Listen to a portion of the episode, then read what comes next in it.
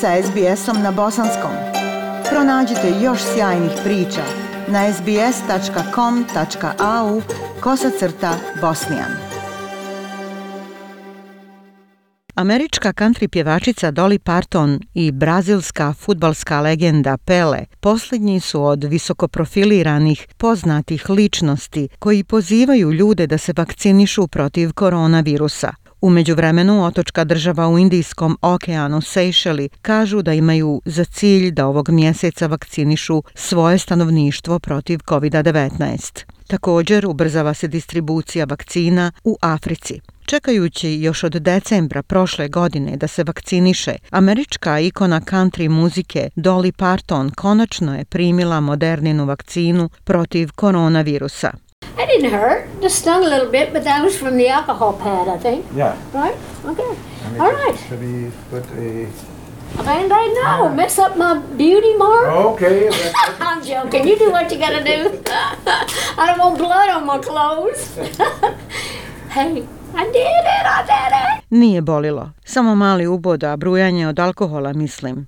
Da stavim zavoj? Zavoj ne, pokrićemo moju ljepotu. Ok, ma šalim se, radite ono što mislite da je najbolje. Neću da imam krv na svojoj odjeći. Hej, uradila sam to. A onda je Dolly Parton zapjevala svoj hit iz 70-ih godina, Jolene, u nešto izmijenjenom izdanju refrena, umjesto Jolene, Jolene, Jolene, refren je vakcin, vakcin, vakcin. Vaccine, vaccine, vaccine, vaccine. I'm begging of you, please don't hesitate. Vaccine, vaccine, vaccine, vaccine. Cause once you're dead, then that's a bit too late. I know I'm trying to be funny now, but I'm dead serious about the vaccine. I think we all want to get back to normal, whatever that is. So I just want to say to all of you cowards out there, Don't be such a chicken squat. Get out there and get shot. Vakcin, molim te ne oklijevaj, vakciniši se, jer ako umreš, onda će zato biti malo kasno. Znam da pokušavam sada biti zabavna, ali sam smrtno ozbiljna u pogledu vakcinacije. Mislim da svi želimo da se vratimo normali, ma šta to značilo. Samo želim da kažem svima, van sa kukavicama, ne budite plašljivi, izađite i vakcinišite se. Ona je dobro poznati filantrop i donirala je 1,3 miliona dolara Univerzitetu Vanderbilt da pomogne razvoju vakcine Moderna a 80-godišnja brazilska futbalska legenda Pele također je primio vakcinu protiv koronavirusa. Na društvenim mrežama postavio je svoju fotografiju koja ga prikazuje u momentu dobijanja vakcine uzdignutog palca dok nosi masku. Time je pozvao i druge da ostanu oprezni boreći se tako protiv prijetnje virusa. Pele kaže Today was an unforgettable day. I received the vaccine.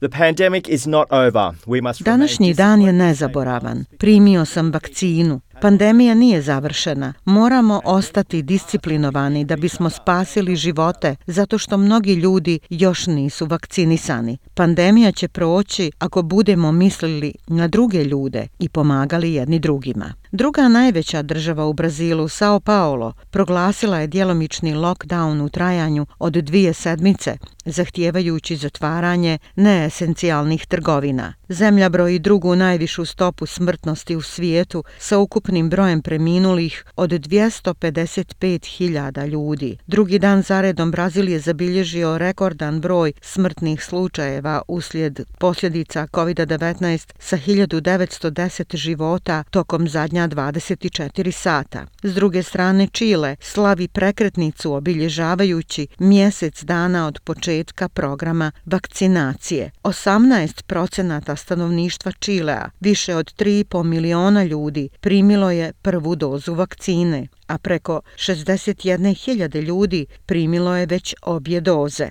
Ministar zdravstva Enrique Paris kaže da je vlada brzo reagovala u nabavci vakcina oslanjajući se na iskustvo kampanje masovne imunizacije stanovništva iz 50. godina prošlog vijeka.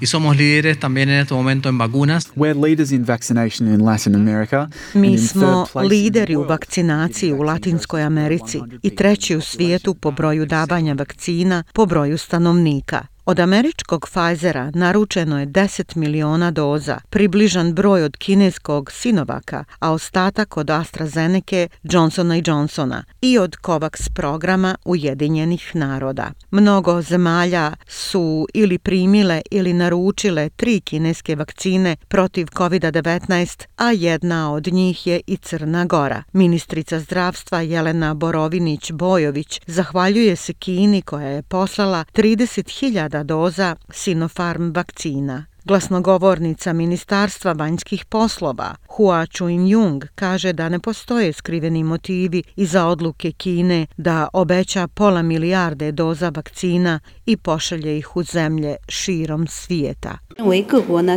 We believe that all countries should work together to resist vaccine nationalism. and Mi vjerujemo da sve zemlje treba da rade zajedno da bi se oduprle vakcinacijskom nacionalizmu i da bi trebale promovisati razumsku distribuciju vakcina, naročito distribuciju prema zemljama u razvoju. Na drugoj strani vođe Sejšela kažu da imaju za cilj da imuniziraju svoje stanovništvo ovog mjeseca. Ova zemlja je bila među prvima u svijetu koja je započela masovni program vakcinacije u januaru. Predsjednik Sejšela Wavel Ramkalavan kaže da je do kraja februara 44% stanovništva primilo i drugu dozu vakcine. The one thing which uh, I think our country has really got right is the vaccination program. Jedna stvar za koju mislim da naša zemlja ima potpuno pravo je program vakcinacije i mi se nadamo da ćemo sredinom marta steći imunitet 70 stada kada mislimo da ćemo vakcinicati 70.000 ljudi. To je 70% jer naša populacija broji 100.000 ljudi. Pokrenuli smo program vakcinacije u januaru i sada je 44% ljudi primilo drugu dozu kineske vakcine Sinopharm, a s druge strane dajemo im i vakcinu proizvođača AstraZeneca. Kada je u pitanju Afrika, Sudan je postao prva zemlja srednje istočnog i sjevernog dijela Afrike koja je dobila vakcine protiv koronavirusa i to putem inicijative Ujedinjenih naroda COVAX. Sudan je zemlja od 43 miliona ljudi, od kojih je koronavirusom zaraženo skoro 29.000, a skoro 2.000 je preminulo zbog posljedica bolesti COVID-19. Ministar zdravstva Omar Ahmed Al-Najib kaže da je više od 800.000 doza vakcina AstraZeneca stiglo u glavni grad Kartum i uskoro, kao dio COVAX inicijative, dobit će ih zdravstveni radnici i starije osobe. Uslate li ovom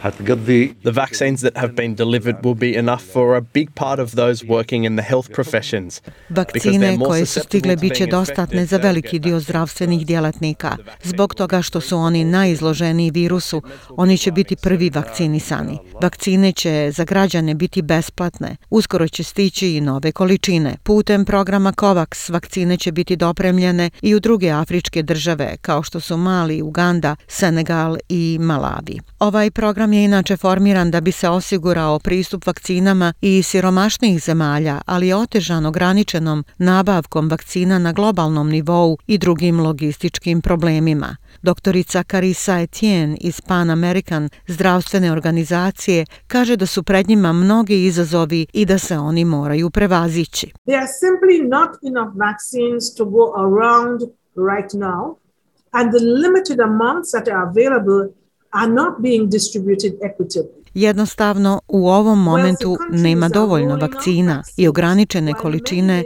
ne distribuiraju se jednako. Bogate zemlje već su započele programe vakcinacije, dok mnoge zemlje nisu dobile niti jedne doze. Ovaj disparitet povrijeđuje naše principe solidarnosti, čak šta više, ta strategija je samo poražavajuća. Inicijativa COVAX ima za cilj da dostavi oko 2 milijarde vakcina u 190 zemalja i teritorija. Za zdravstvene i mjere podrške koje su trenutno na snazi u odgovoru na pandemiju COVID-19 na vašem jeziku, posjetite stranicu sbs.com.au kosa crta koronavirus. Ja sam Aisha Hadži Ahmetović. Ostanite uz SBS radio. Like, share, comment. Pratite SBS Bosnian na Facebooku.